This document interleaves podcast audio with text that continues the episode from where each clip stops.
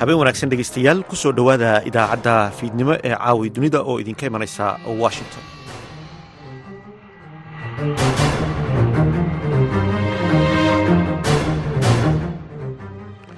waa salaasa bisha februari ee sanadka labada kun afariyo labaatankuna waa lix waxaad naga dhegaysanaysaan mawjadaha gaagaaban ee lix iyo tobanka iyo sagaal iyo tobanka mitrban iyo boggeena internetka ee v o a somaly com saacadda afrikada bari waa afartii galabnimo idaacadda caawiya dunidana waxaa idinla socodsiinaya anigoo ah xuseen barre aadan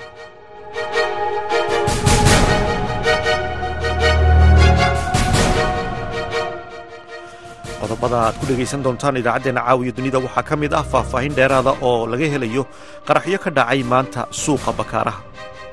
Dabcan waxaan ognahay waxa meeshaan ka dhacay inay ahaayeen beegsi la beegsanayey ganacsatada soomaaliyeed gaar ahaan ganacsatadii halkan maanta dhibka ku gaaray.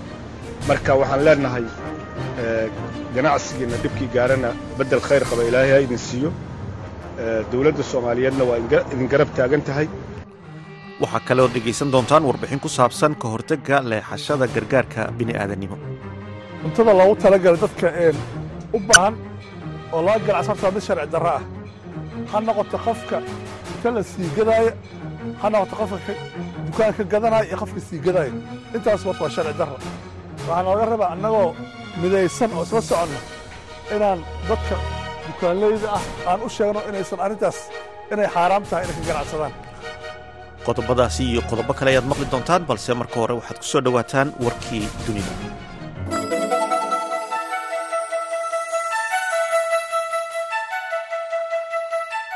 Madaxa siyaasadda dibadda ee midowda africa joseph borrell ayaa isagoo booqanaya maanta magaalada kiyev sheegay in midowda yurub uu kala xaajoon doono taageero adag oo militari iyo dhaqaale oo la siiyo ukraine booqashada ayaa timi maalmo kadib afar sano oo ay midowda yurub ansixiyeen shan iyo afartan milyan oo dollar oo loogu talagalay dalka ukraine. Borrell ayaa sidoo kale sheegay in kulamada uu ku yeelanayo magaalada kiyev uu adeegsan doono inuu kaga hadlo isbedelada ay ukraine samaynayso xilli dalkaasi uu isu diyaarinayo xubinnimada midowda yurub dhinaca kale mas'uuliyiinta dalkaasi ukraine ayaa sheegay in gantaal ruushka uu soo riday uu ku dhacay.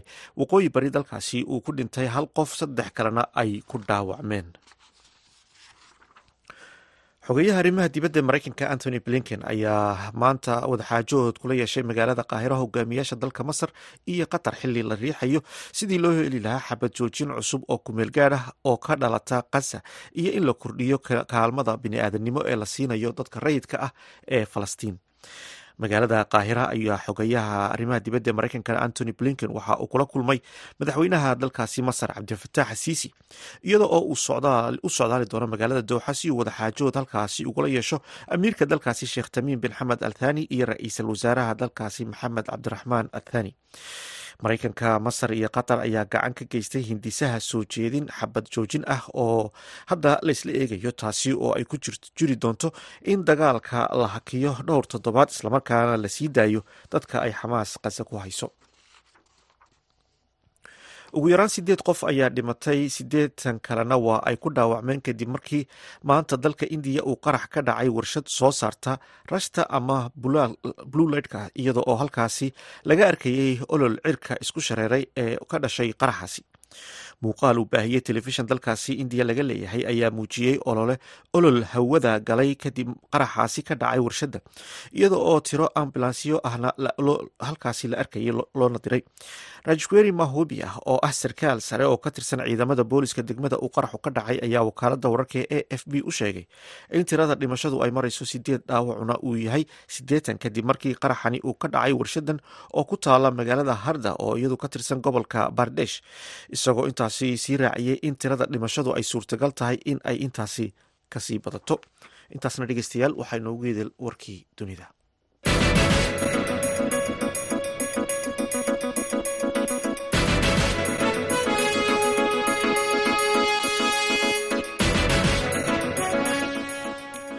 Halkaan dhegeystayaal nagala socotaan waa laanta af soomaaliga ee v o a faahfaahin dheeraad ah ayaa laga helayaa qaraxyo maanta kala beegsaday goobo ganacsi oo ku yaalla gudaha suuqa bakaaraha ee magaalada muqdisho kuwaasi oo geystay dhimasho iyo dhaawac soo gaadhay dad rayid ah mas'uuliyiinta ayaa sheegay in qaraxyadaasi ay sababeen miinooyin lala beegsaday goobahaasi. Warkan waxaa inoo soo diray cabdulqaadir maxamed cabdulle.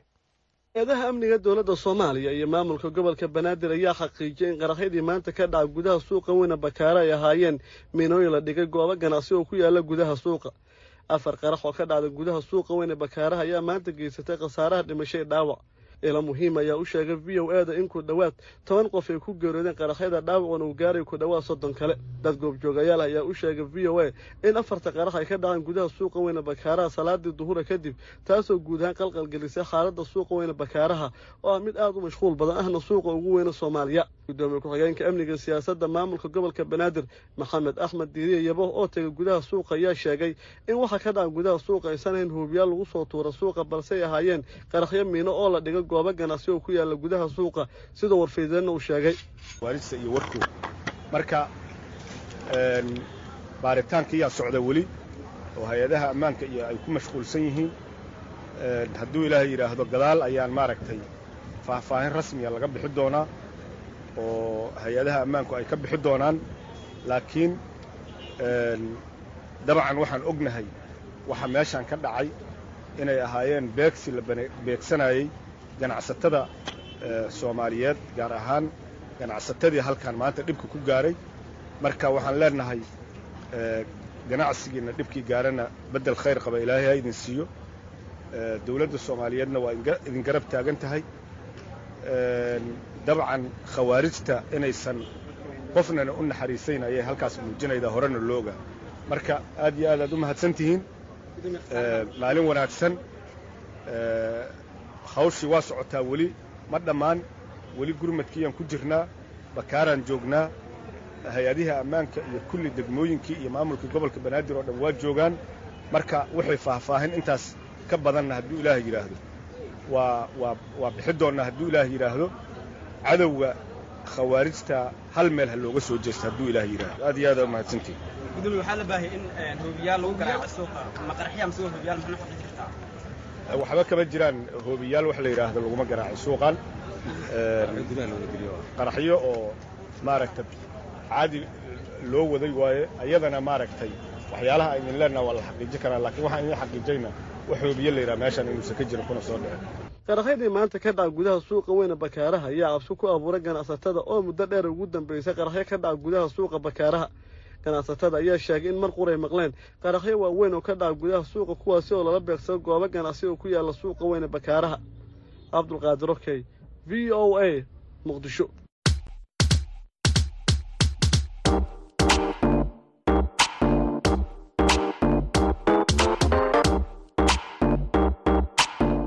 idaacadda v o a waxaad si toos uga dhegaysan kartaa efemyada magaalooyinka geeska afrika.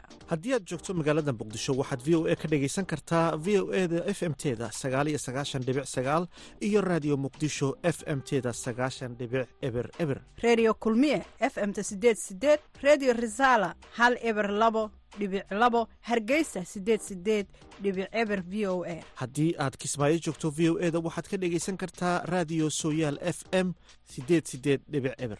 Gobolka hiiraan hiiraan weyn f m sagaashan megaherts redio baydhaba siddeetan iyo sagaal dhibic shan f m haddii aad joogto puntland v o a waxaad ka dhegaysan kartaa s b c radio boosaaso siddeetan iyo sagaal dhibic sagaal f m qardho siddeetan iyo sagaal dhibic sagaal f m isla mawjadahaasi waxaad ka dhegaysan kartaa waaciya iyo garowe.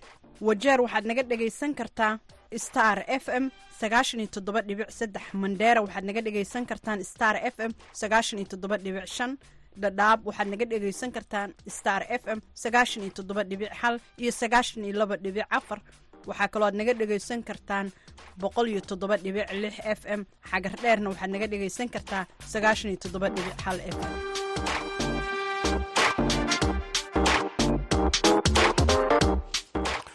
Halkaad dhegeystayaad nagala socotaan waa laanta af soomaaliga idaacadda v o a oo si toosa idinka imanaysa washington madaxda soomaaliya iyo etoobiya ayaa mar kale ka hadlay xiisadda diblomaasiyadeed ee u dhexaysa labada wadan ee ka dhalatay is-afgaradkii ay bishii hore wada gaadheen etoobiya iyo somalilan ra'iisul wasaaraha etoobiya aabi axmed ayaa sheegay inaanu dooneynin wax dhibaato ah in dalkiisu u geysto soomaaliya. Isagoo la hadlayay xubnaha baarlamaanka dalkiisa maanta oo salaasaha ayaa aabi axmed waxa uu sheegay in soomaaliya iyo etoobiya ay dhiig wadaagaan iyo in dad badan oo reer etoobiya ah ay u dhinteen nabadda soomaaliya waxaa sidaasi lagu qoray barta x ee ra'iisul wasaaraha etoobiya ma jiro waddan bixiyey wax ka badan inta etoobiya ay u hurtay nabadda soomaaliya sababtoo ah nabadda soomaaliya waa nabadda etoobiya ayuu qoraalkiisa ku yidhi ra'iisul wasaaraha etoobiya aabi axmed. Waxaa kalou sheegay in mabda ahaan etoobiya aanay dooneynin inay dalka dagaal ku qaado hase yeeshee xoogag ayaa doonaya buu yidhi inay colaad ka dhex huriyaan labada wadan inay taasi dhacdana ma aha sida uu hadalka u dhigay codsigeennu waxa weeye ayuu yidhi inaan marin u helno badda oo ku salaysan ka wada faa'iidaysi ayaa uu ra'iisul wasaare aabi axmed u sheegay. Dowladda etoobiya ayaa kowdii bishii hore ee january is-afgarad la gashay somalilan kaasi oo somalilan ay sheegtay in etoobiya uu siinayo marin badda ah iyo in laga kireeyo saldhig military oo labaatan kilomitir ah muddo konton sano ah somalilan ayaa sidoo kale sheegtay inay etoobiya aqoonsi u fidinayso somalilan is-afgaradkaasi waxaa si weyn u diiday dowladda soomaaliya oo sheegtay inuu meel kaga dhacayo madax banaanida iyo midnimada soomaaliya. Maalintii shalayna madaxweynaha soomaaliya xasan sheekh maxamuud ayaa mar kale ku celiyey in soomaaliya ay ka soo horjeedo is-afgaradkaasi madaxweynaha soomaaliya oo ka hadlayay muqdisho ayaa sheegay in soomaaliya ay ka soo horjeedo in etoobiya ay qeyb goosato soomaaliya si ay bad u gaadho. Sida uu hadalka u dhigay waxa uu sheegay madaxweynaha soomaaliya in soomaaliya ay diyaar u tahay wadahadal haddii etoobiya ay ka harto damacaasi sida uu sheegay madaxweyne xasan sheekh maxamuud etoobiya waxay hore u beenisay in damaceedu yahay in ay dhul goosato. Somalilan ayaa iyadu hore ugu baaqday beesha caalamka in la ixtiraamo is-afgaradkaasi somalilan waxaa kale oo ay sheegtay in aanay ka mid ahayn soomaaliya ayna horey u gaadhay heshiisyo sidii heshiiskii dekadda berbera mas'uuliyiinta somalilan ayaa sidoo kale sheegaya in saldhigga military uu yahay kiro ee aanu ahayn dhul la siiyey etoobiya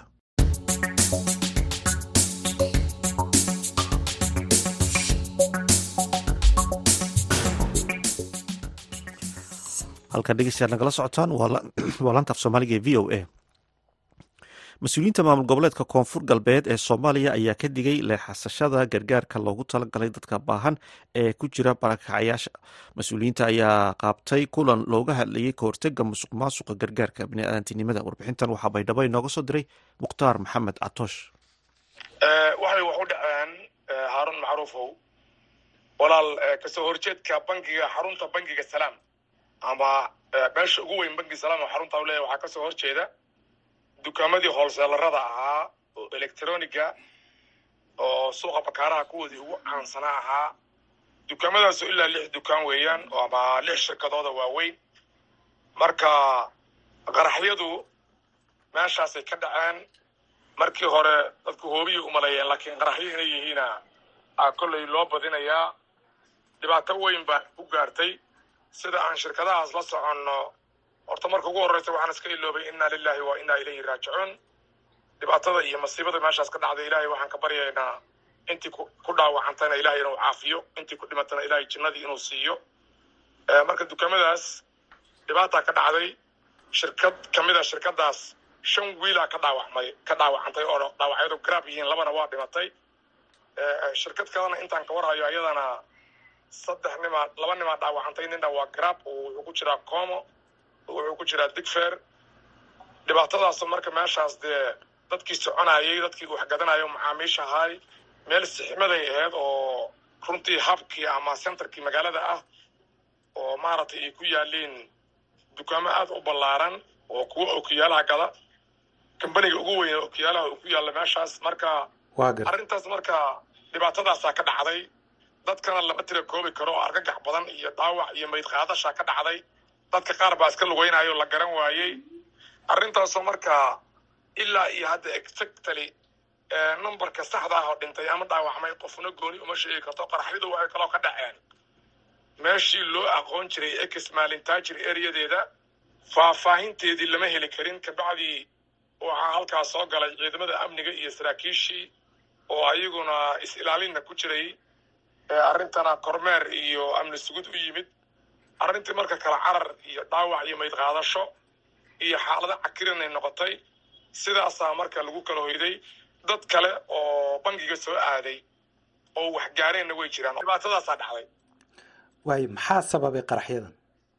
Cid sheegi kartaahu ma jirto dadkan ganacsatada way iska dhib badan yihiin oo xaalado badan oo hadda aanan faahfaahin karin ay la kulmaan dad hubaysan maahan waa dad ganacsataah oo oo aan hubaysnayn. Marka marxalado badanaa iska jira oo hadda aanan rabin inaan hoos u sii galo. Marka ma sheegi karna waxa sababay iyo cidda ay yihiin iyo iyo meesha ay ay ka yimaadeen ma garan karno aad ayuu mahadsan yahay. Kaasi waxa uu ahaa xasan cabdi axmed xoogsade oo ah guddoomiyaha ganacsatada suuqa bakaaraha oo u waramayey haruun macruuf isagoo u waramayey faahfaahinta ku saabsan qaraxyadii lala beegsaday suuqa bakaaraha mas'uuliyiinta maamulka maamul goboleedka koonfur galbeed ee soomaaliya ayaa ka digay leexsashada gargaarka loogu talagalay dadka baahan ee ay ku jiraan barakacayaasha. Mas'uuliyiinta ayaa qabtay kulan looga hadlayay ka hortega musuq maasuqa gargaarka biniaadanimada warbixintan waxaa baydhabo inooga soo diray mukhtaar maxamed catoosh kulanka oo ahaa mid wacyigelin ah oo looga hortagaya inaan la leexsan gargaarka bini'aadinimo ee loogu talagalay dadka danyarta waxaa ka qayb galay qeybaha kala duwan ee bulshada iyo mas'uuliyiin ka tirsan maamulka koonfur galbeed waxaa soo qabanqaabiyey kulanka oo xarunta maamulka degmada baydhabo ka dhacay wasaaradda gargaarka iyo maareynta masiibooyinka maamulka koonfur galbeed. Waxyaabaha aada looga hadlay waxaa ka mid ah sidii looga hortagi lahaa macaawinooyinka suuqyada lagu iibinaya ee loogu talagalay dadka barakacayaasha. Bulshada ka qayb galay kulanka ayaa maamulka ka codsaday in dabagal dhaba lagu sameeyo gargaarka lagu iibinayo suuqyada. Aadan shaati oo ah guddoomiyaha dhallinyarada gobolka baay ayaa sheegay inay lagama maarmaan tahay in sharciga lala tiigsado qofkii ku caddaato inuu ku dhacay musuq la xiriira ka ganacsiga gargaarka bini'aadanimo. Maadaama maylerhaysu madaxdinka sarrayti deegaanka rugaan oo wasaaradda maareynta inka horreyta ini oo dad maylerhaysu lunkushakiyaan oo dhar cad ee magaalada lakafasax oo weliba maylerhays laku wargaba wal hadduubayaan caddeemasheenayan marka wali codsadaana ini nidaam oo dadkan laha kaqobada koro lang hay'adku darari oo lang maxkamad lahan saaran lang oo bulsho eh oo musuqaa suubi lahan hirna maxkamad lahan saaran walaan may ku baa koro saasa aaminsana. Marka insha allah iyadan mahadsantiin faadumo cali iimaan oo iyaduna ka mid ah shaqaalaha ka shaqeeya caafimaadka ayaa caddaysay carruur badan oo nafaqadaro la iildaran inay sabab u tahay in la iibsaday daawooyinka iyo cunooyinka nafaqadarada loogu talagalay. Unagu maalafaya marka maa nutrition ay nafaqadun la sii intisu jirshay hakaw walka darsamo nutrition kus markaas lanshaan intisu kubaa mukubahow mcd kun sii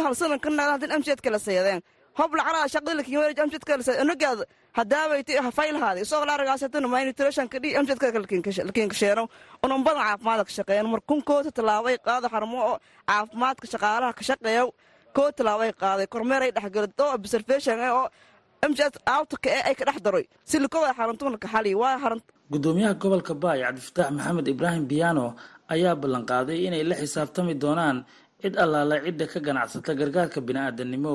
Marka maanta waxaan iskugu nimaanay sidii loo joojin lahaa inaysan dhicin gargaar dambe oo suuqa la geynayo aysan dadka ka ganacsanin. Haddii ahaan lehed qofka dukaanka gadaayo in loo tegi karo la yidhaahdo niyo waxaan xoolahan xoolo gargaar loogu talagala waaye meeshii saxda ahayd ma ahan meeshaan waxaa loogu talagalay cunug dhimanayo oo maskiin ah oo malnutrishad ah xoolahan mar dambe ha ka ganacsanin oo suuqan micnaha ayaa lagu dhex arkin. Wasiirka gargaarka iyo maareynta masiibooyinka dowlad goboleedka koonfur galbeed naasir cabdi caruush ayaa sheegay ka ganacsiga gargaarka inuu yahay mid sharci darro ah oo u baahan in laga hortago. Dhibaataan haysato ilaahay naga saaro. Gacanteennaa horsannay. Ilaahay xaaladdan hortaa naga saaro. Waxa aan ka hadlayno saanfal iyo gargaar iyo insha allah ilaahay aan barina waa ka bixi doona haddii ilaah yidhaahdo ujeeddada marka maanta isugu imaano ah arrinta ka ganacsiga cuntada loogu talagalay dadka u baahan oo laga ganacsan horta waa mid sharci darro ah. Ha noqoto qofka inta la sii gadaaya ha noqoto qofka dukaan ka gadanaya iyo qofka sii gadaaya intaas horta waa sharci darro. Waxaana laga rabaa annagoo midaysan oo isla soconno inaan dadka dukaanleyda ah dadka maxay ahayd u baahan adeega oo walaalaheen ah aan u sheegno inaysan arrintaas inay xaaraam tahay inay ka ganacsadaan. Taas aan ka wada shaqayno mukhtaar maxamed catoosh v o a baydhabo.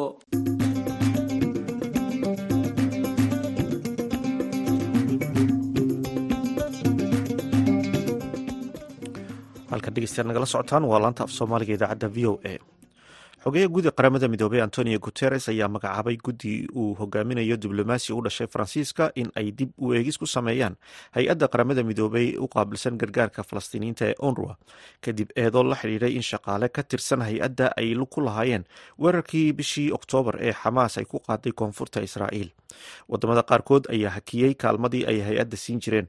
Warbixin ay qortay wariyaha v o eda ee new york margaret bashiir waxaa inoo soo koobaysa sahre ciidlanuur xogayaha guud ee qaramada midoobey antonio guteres ayaa wasiirkii hore ee arrimaha dibadda ee dalka faransiiska u magacaabay madaxa guddi madax bannaan oo baadhis ku sameynaysa hay'adda qaramada midoobey u qaabilsan caawinta qaxoontiga falastiiniyiinta ee magaceeda loo soo gaabiyay u n arwa hay'addaasi oo ay fadeexadi soo wajahday islamarkaasina qarka u saaran inay weydo in ka badan afar boqol oo milyan oo dollar oo ay ugu deeqi jireen waddamada kaalmada bixiya stephen dujarig oo ah afhayeen u hadlay qaramada midoobey ayaa u sheegay warbaahinta isniintii shalay in xogayaha guud ee qaramada midoobey isaga oo la tashanaya guddoomiyaha hay'adda magaceeda loo soo gaabiyay u n arwa philip lazarani uu u magacaabay koox dib u eegis madax bannaan ku samaysa islamarkaana soo qiimaysa shaqada hay'addaasi wado wasiirkii hore ee arrimaha dibadda ee dalka faransiiska catherine colona ayaa hogaamin doonta kooxdan oo shaqadoodu bilaabmayso afar iyo tobanka bishan february waxaanay warbixintooda hordhacaa u gudbin doonaan xogayaha guud ee qaramada midoobey antonio guteres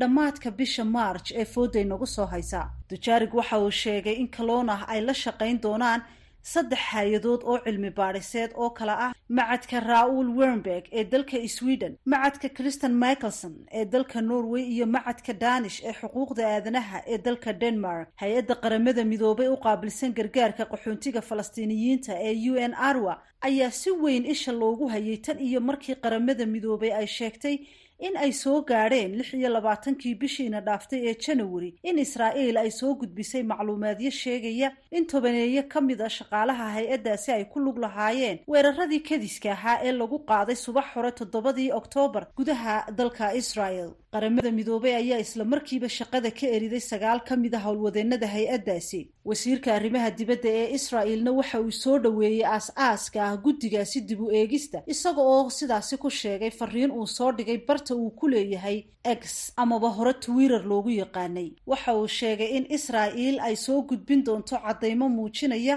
xidhiidh ka dhexeeya hay'adda u n arwa iyo xamaas waxaana uu ku baaqay in laasaraani uu iscasilo kooxdan dib u eegista ee lagu dhawaaqay isniintii shalay ayaa ka duwan baaritaanka gudaha ee ay qaramada midoobay ku samaynayaan eedaha la xidhiidha laba iyo toban ka mid a shaqaalaha hay'addaasi aad ayuu mahadsan tahay. Sahre ciilan nuur oo inala socodsiinaysa warbixintii wariyaha v o eda new york margaret bashiir halkaad kala socoteenna waa laanta af soomaaliga ee v o a.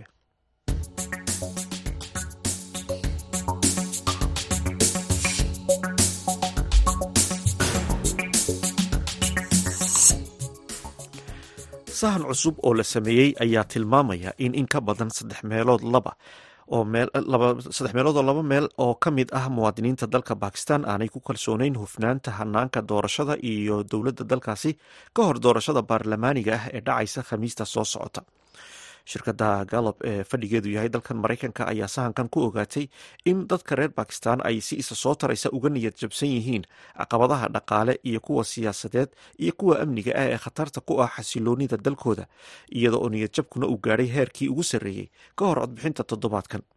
Wariyaha v o eda ayaas guul ayaa warkan inoo haya maxamed bashiir cabdiraxmaan ayaase inoo soo koobaya sahanka ayaa sheegay in jawiga siyaasadeed uu u liito sida kan dhaqaalaha iyadoo ay khamiista dhacayso doorashadii guud ee ugu horreysay ee bakistan lagu qato tan iyo sannadkii labadii kun iyo siddeed iyo tobankii.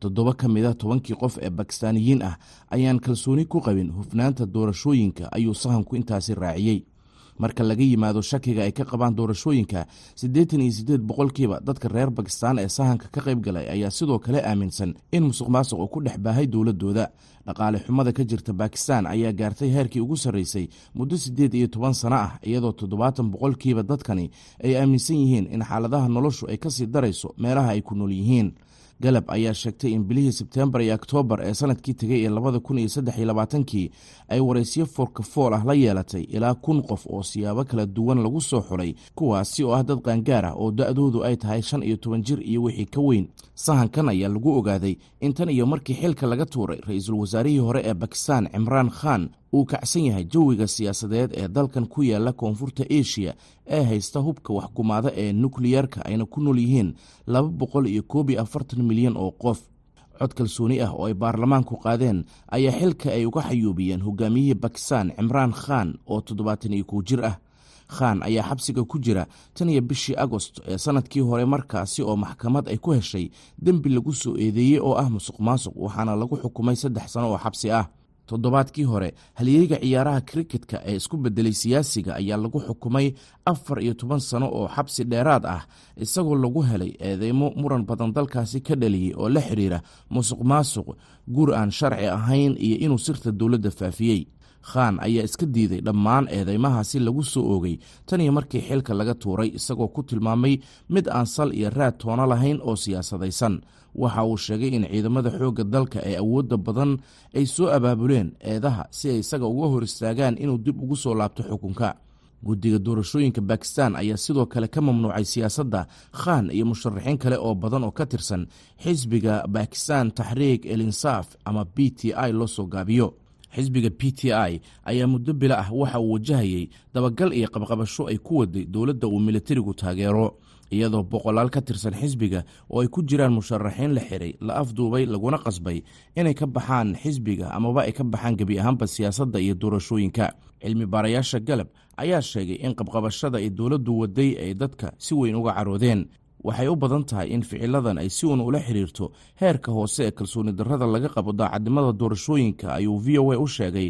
Khorshiid nosrati oo ah agaasimaha xiriirka warbaahinta iyo la taliyaha guud ee dhinaca isgaarsiinta ee galab inkastoo cadaadis badan wajahayo oo uu xabsina ku jiro haddana khan ayaa weli ah siyaasiga ugu saameynta badan bakistan sida ay sheegayaan ra'yi aruurino dadweyne oo dalkaasi laga sameeyey. Cilmi baarayaasha galab ayaa waxay sidoo kale sheegeen in iyadoo aysan jirin qorshe cad oo doorasho musharax kasta oo ku guulaysta doorashada bakistan uu la kulmi doono caqabad si dib u habeyn loo hirgeliyo waxay sidoo kale hoosta ka xariiqeen muhiimadda natiijada doorashada khamiista ka dhacaysa bakistan ee u leedahay xasiloonida gobolka. Dowladda taageerada ka haysata militariga awoodda badan ee bakistan ee ka dhisan islaamabad ayaa beenisay in beegsiga lagu hayo p t i ay uga dan leedahay in xisbigaasi laga hor istaago doorashada maraykanka ayaa isniintii sheegay inuu si dhow ula soconayo hanaanka doorashooyinka ee bakistan iyadoo xoogga ay saarayaan ka qaybgalka ballaaran iyo ixtiraamka xorriyadda hadalka iyo isku imaatinka. Waxaan ka walaacsannahay qaar ka mid a xadgudubyada aan aragnay ayuu warfidiyeenka washington ugu sheegay fidant betel oo ah ku-xigeenka afhayeenka wasaaradda arrimaha dibadda ee maraykanka bakistaaniyiintu waxay mudan yihiin inay adeegsadaan xuquuqdooda asaasiga ah si ay u doortaan hogaamiyaashooda mustaqbalka doorasho xor ah oo xalaal ah iyadoo aan rabshado iyo cabsigelinba wadan waxayna dadka reer bakistan u tahay inay go'aansadaan mustaqbalkooda siyaasadeed ayuu yidhi betel aad ayuu mahadsan yahay maxamed bashiir cabdiraxmaan oo inala socodsiinaya warbixintii wariyaha v o eda iyaas guul. Halkaad kala socoteenna waa laanta af soomaaliga ee v o a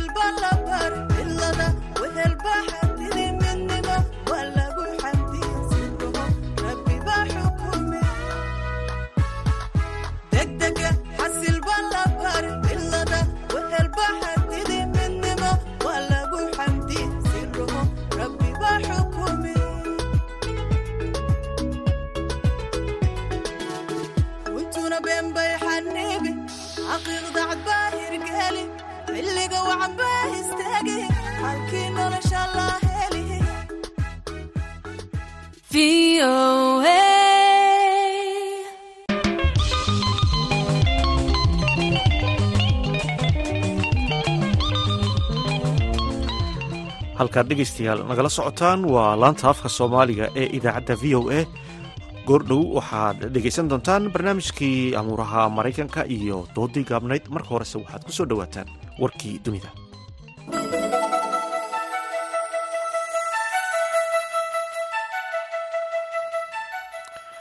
madaxa siyaasadda dibadda ee midowda yurub joseph borrell ayaa isagoo booqanaya maanta magaalada kiyev ee dalka ukraine waxa uu sheegay in midowda yurub uu kala xaajoon doono taageero adag oo militari iyo mid dhaqaale oo la siiyo ukraine.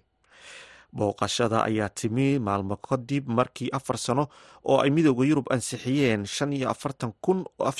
bilyan oo dollar oo loogu talagalay dalka ukraine borel ayaa sidoo kale sheegay in uu kulamada uu ku yeelanayo magaalada kiyev uu adeegsan doono inuu kaga hadlo isbedelada ay ukraine sameeyeen xili dalkaasi uu isu diyaarinayo xubinnimada midowda yurub. Dhinaca kale mas'uuliyiinta dalkaasi ukraine ayaa sheegay in gantaal ruushka uu ku soo riday oo ku dhacay dhinaca waqooyi bari ee dalkaasi uu ku dhintay halkaas ku dhintay hal qof saddex kalena ay ku dhaawacmeen xogeyaha arrimaha dibadda ee maraykanka antony blinken ayaa maanta wadaxaajood la leh hogaamiyayaasha dalalka masar iyo qatar xili la riixayo.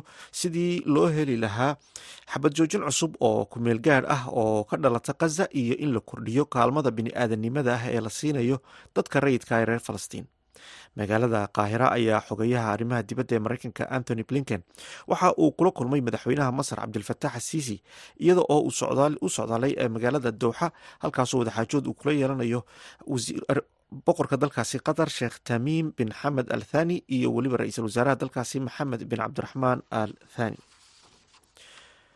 ugu yaraan sideed qof ayaa dhintay siddeetan kalena waa ay dhaawacmeen kadib markii maanta dalka indiya uu qarax ka dhacay. Warshad soo saarta rashta ama waxa loo yaqaano blue lightka iyadoo halkaasi laga arkayay ololka cirka isku shareeray ee ka dhashay qaraxaasi muuqaal uu baahiyey dalkaasi indiya laga leeyahay ayaa muujinayay olol hawada galay. Kadib qaraxaasi ka dhacay warshadda iyada oo tiro ambulansi ahna halkaasi loo diray. Sidoo kale loogu yeedhay diyaaradaha helikobterka ciidamada militariga si ay dadka dhaawaca ah halkaasi uga daad gurayaan. Intaasna dhegeystayaal waxaynu ugu idil warkii dunida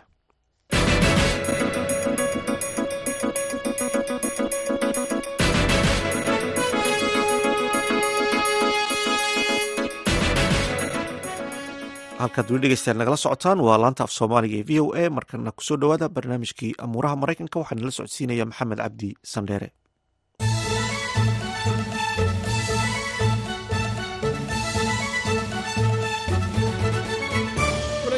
Dhegaystayaal kuna soo dhowaada barnaamijkii amuuraha maraykanka. Xogeeya arrimaha dibadda ee maraykanka antony blinken ayaa socdaal kale ku tegey gobolka bariga dhexe. Waa socdaalkiisii shanaad isagoo arrinta ugu weyn ee uu socdaana ay tahay dagaalka u dhexeeya falastiin iyo xamaas.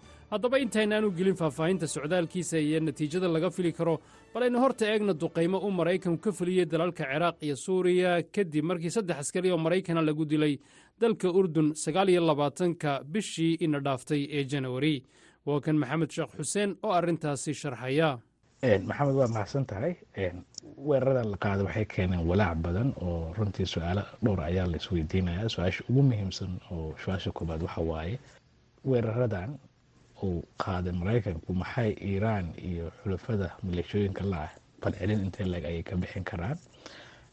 Sidaan ka warqabna iiraan muddo ayay raajicinaysay in ay maraykan kula dagaalanto iraaq iyo syria intaba iyadoo adeegsanaysa maleeshiyaadkaas si ay uga saarto iraaq iyo syria ciidamada maraykanka jooga runtii midda labaadna oo wararka soo baxaya ay sheegayaan waxawaaye in ururka ugu weyn oo iraaq ka dagaalamo oo iiraan xulafada la ah inay sheegeen inay joojiyeen inay maraykanka ay bartilmaamaystaan marka taas iiraan dhabarjab weyn ayay ku tahay.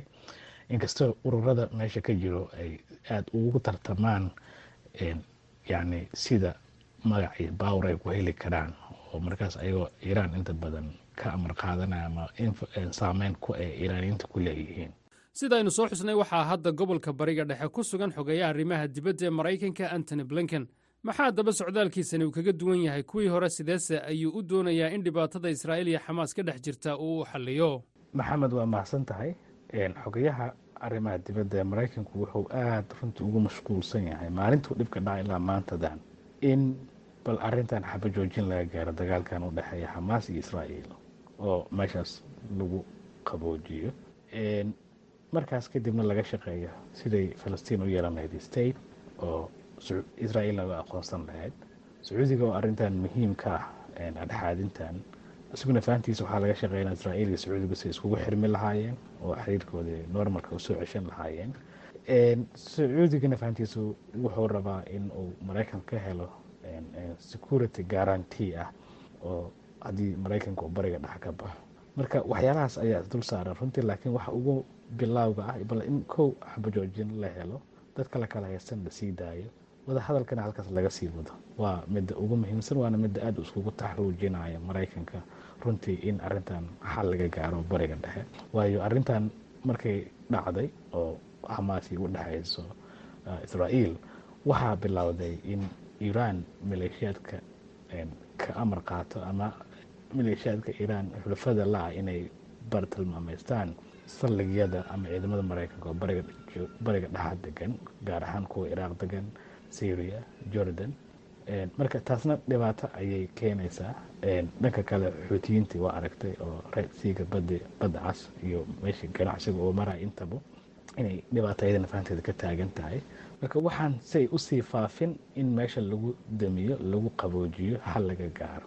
Waana taas midda ugu muhiimsan oo xogayaha arrimaha dibadda maraykanku ay shaqadiisii noqotay. Inta badan boqolkiiba konton in arintaas bariga dhac uu xaliyo waana tan uu ku mashquulsan yahay runtii. Haddii aynu u nimaadno siyaasadda gudaha ee maraykanka labada xisbi ee ugu waaweyn siyaasadda dalka ayaa isku diidan qodobo ay ku jiraan socdaalka muhaajiriinta dalka maraykanka ka soo gelaya dhinaca koonfureed iyo taageerada dhaqaale ee la siinaya dalalka ukrein iyo israel oo laba dal oo maraykanka xulufo la ah dagaalna ku jira. Mar kale maxamed sheekh xuseen. Runtii labada xisbi waa waxay isku hayaan waa siyaasad oo waxaa lagu jiraa sannadkii electionka doorashada loo tartamayey aqalka hoose dad ka mid a aqalka sare dad ka mid a doorashadii madaxweynaha. Marka waa sannadkii doorashada lagu jiraa inkastoo doorashada weli ay waqti badan ka dhimanta bisha november ay tahay. Haddana laakiin inta badan waxyaalaha la isku diidan yahay ama budgetka ha noqoto ama ha noqoto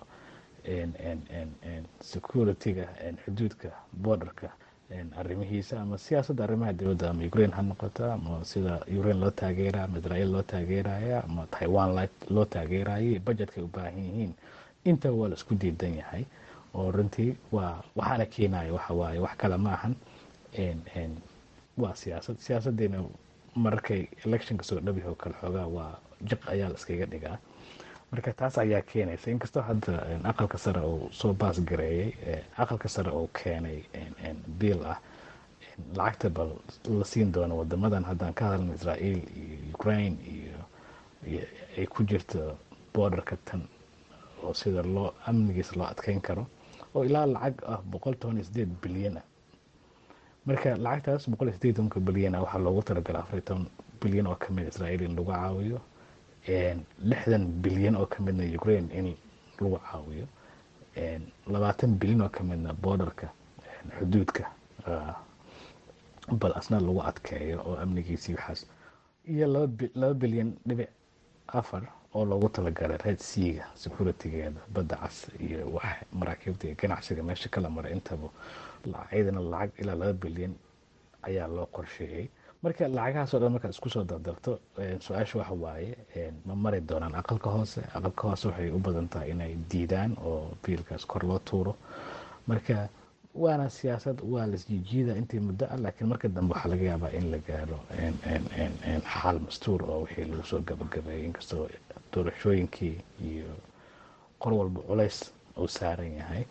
Xisbiga madaxweyneha biden oo xisbiga dimuqraadiga way dareemayaan dhibaatada ka haysata borderka xuduudka iska dadku ku soo qulqulayaan intaba oo halkaas ayagana xisbiga jamhuuriga oo gaar ahaan u tartamaya madaxweyne trump u muuqato inuu ka soo dhexbixi doono oo isagu heli doono nominationka oo dhibco kaga qaadan karo madaxweynaha hadda joogo marka wixii waxay noqotay biilkii doorasho maadaama sannadkii doorashada lagu jiro waxay noqonaysaa in las jiijiido.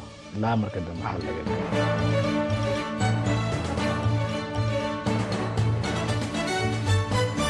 dhegaystayaal waxaa intaasi noogu dhammaaday barnaamijkii amuuraha maraykanka. Intaynu barnaamijkan oo kalea mar kale ku kulmi doonno waxaan dhegaystayaal idinkaga tegayaa sidaas iyo nabadgelyo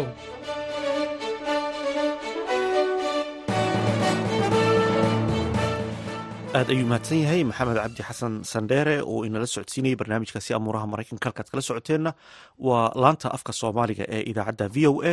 Markana dhegaystayaal ku soo dhowaada doodii gaabneyd iyo yaasiin ciise wardheere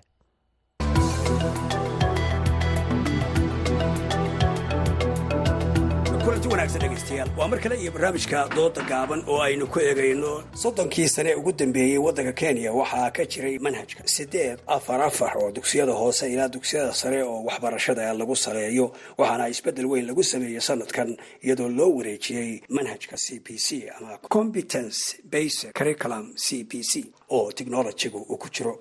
Ma lagu degdegay isbeddelka lagu sameeyey manhajka si uu saamayn ugu yeesho hanaanka waxbarashada mise aad ayaa looga baaraandegay muxuuse saamayn yeelan karaa manhajka cusub ee c b c.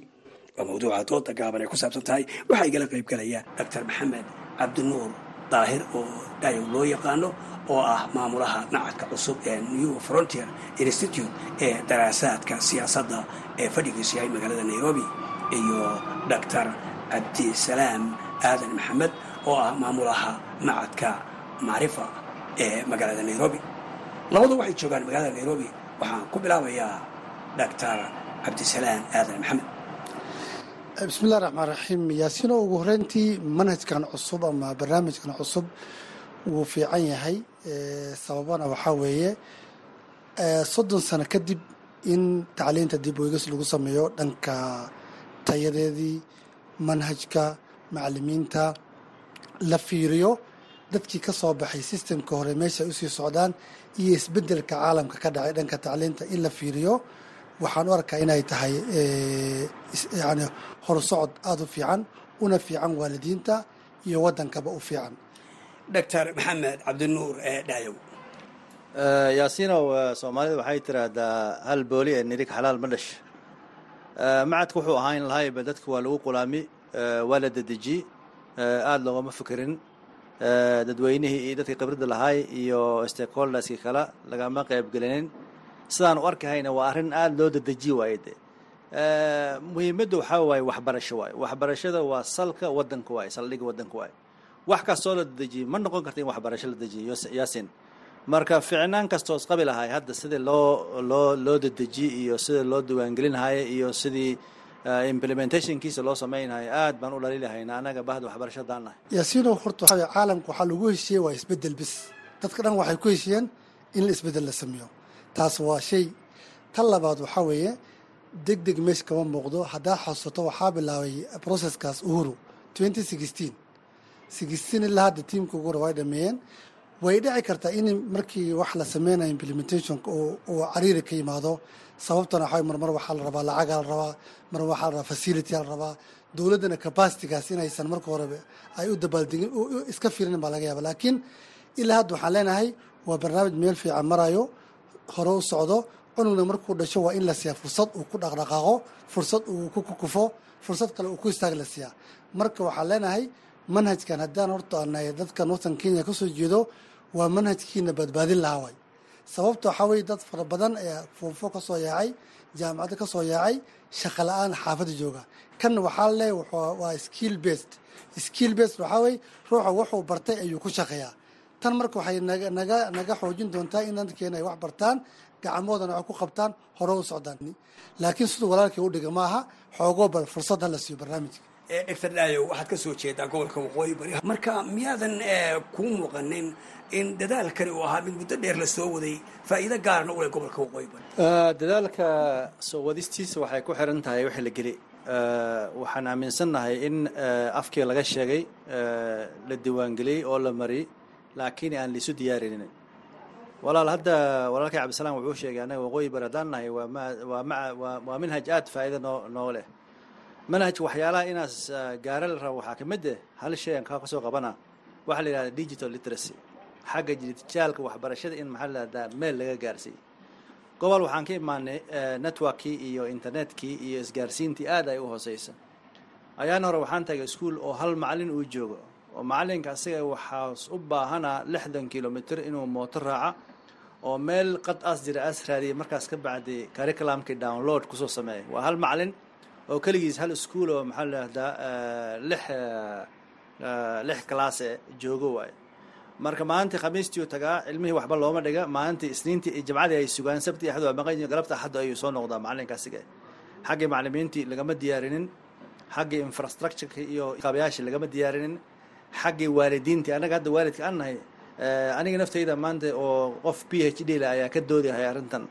Waalidka iska caadiga aya maanta hadaad tidhahdid c b c yacni xagga khibrad khibrad kordhinta waay waxa looga tiray curriculumka waalidiinta wax weyn hadda ka fahamsiiyiin ma laha marka wax kastoo cusub waa run resistance waa imaanaysaa laakiin markay waxbarasho noqoto waxaa la rabaa nin kastooy saamaysa noloshiisii inay aada iyo aad wakti la siiyo oo oo la geliya la geliya dadaal la geliya dadkina ay fahmaan waxyaalaha ciyaalkooda loo dhigahaya hadda fiiri maala arrin kale aan kaaga soo qaadaya xaggii buwaagti ilaa hadda buwaagti buwaagti fasalka sideed lama daabicin. Marka la daabicina qaladaad badan baa lagu arkay.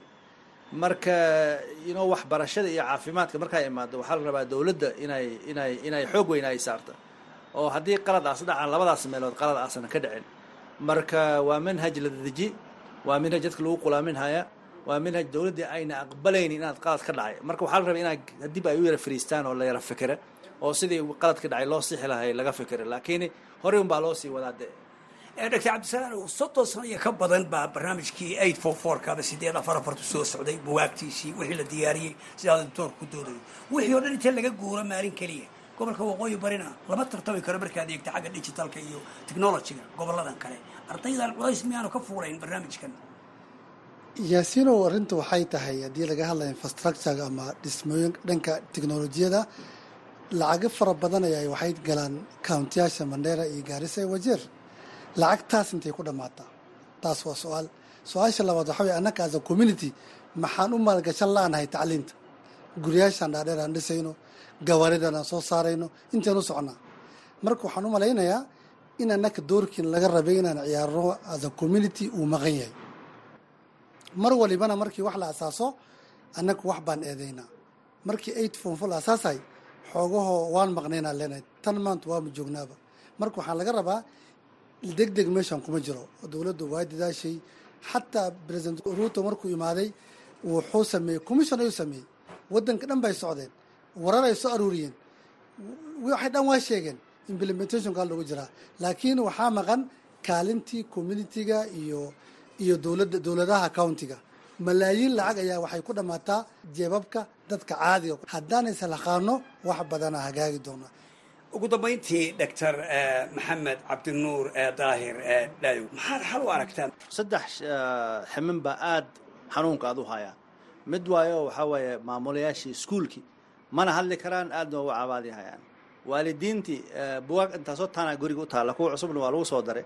Ciyaalka yaryarayna hadda beeshii bay u socdaan meeshay u socdaana ma fahamsana tan saddexaad waxaa waaye dadkii oo oo maamulka hayay oo guud. Marka waxaa fiican haddii ay ay saa dhacday in dib loo noqdo oo aniga hala istaajiye ma lihi laakiin dowladdii horta kow lacagay la soo daayay iskuulladii ilaa hadda lacagama gaarin. Lacagay la soo daayay number two fasalladii la dhisa oo la dedejiyay sidii loo si lahay. Dadkii baarlamaanka laga soo doortay countiyaalkii iyo dowladda national kulis wada qabsadaan horta fasalada la dhisay. Maxaa yidhahdee fasal jirin cayaalka intee la geynaa waaye waxaan ognahay wakti kasta. Waxbaa la dhahaa go ahead hala sameeya haddana waa laga soo noqdaa. Go ahead hala sameeya haddana waa la noqdaa. Marka waxaad waxay u eg tahay dad aan iska warhaynin oo isla hadlaynin.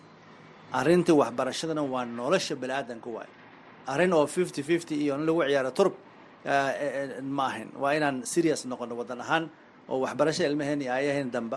Hadduu waddankan hormara waa in arrintayda maxaa lahdaa xoog la siiyo waayo oo lafdhabar laga dhiga waayo. Aad iyo aad ayaad umahadsantihiin kuwaasi waxay ahaayeen doctor maxamed cabdinuur daahir dhaayow oo ah maamulaha macadka cilmi baarista siyaasadda new frontier institute ee fadhigiisu yahay magaalada nairobi iyo doctor cabdisalaan aadan maxamed oo ah isaguna maamulaha macadka macrifa ee magaalada nairobi. Dooda gaano intaa ilo joogto intaynu mar kale waddanka kulmi doono haddii ilahay raalli ka noqdo sidaa iyo nabadgelyo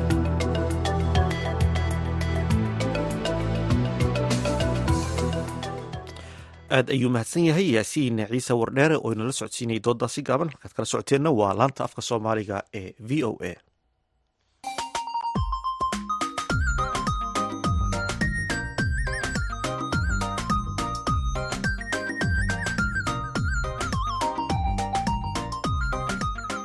Bandhiga v o a.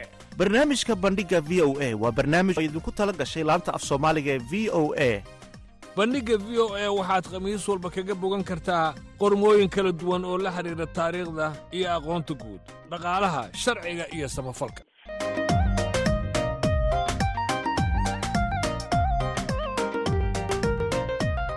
Haddii aad rabto inaad wax ka ogaato taariikhda dunida iyo aqoonta guud ha moogaan bandhigga v o a bandhiga v o e kala soco laanta af soomaaliga ee v o e maalin kasta oo khamiis ah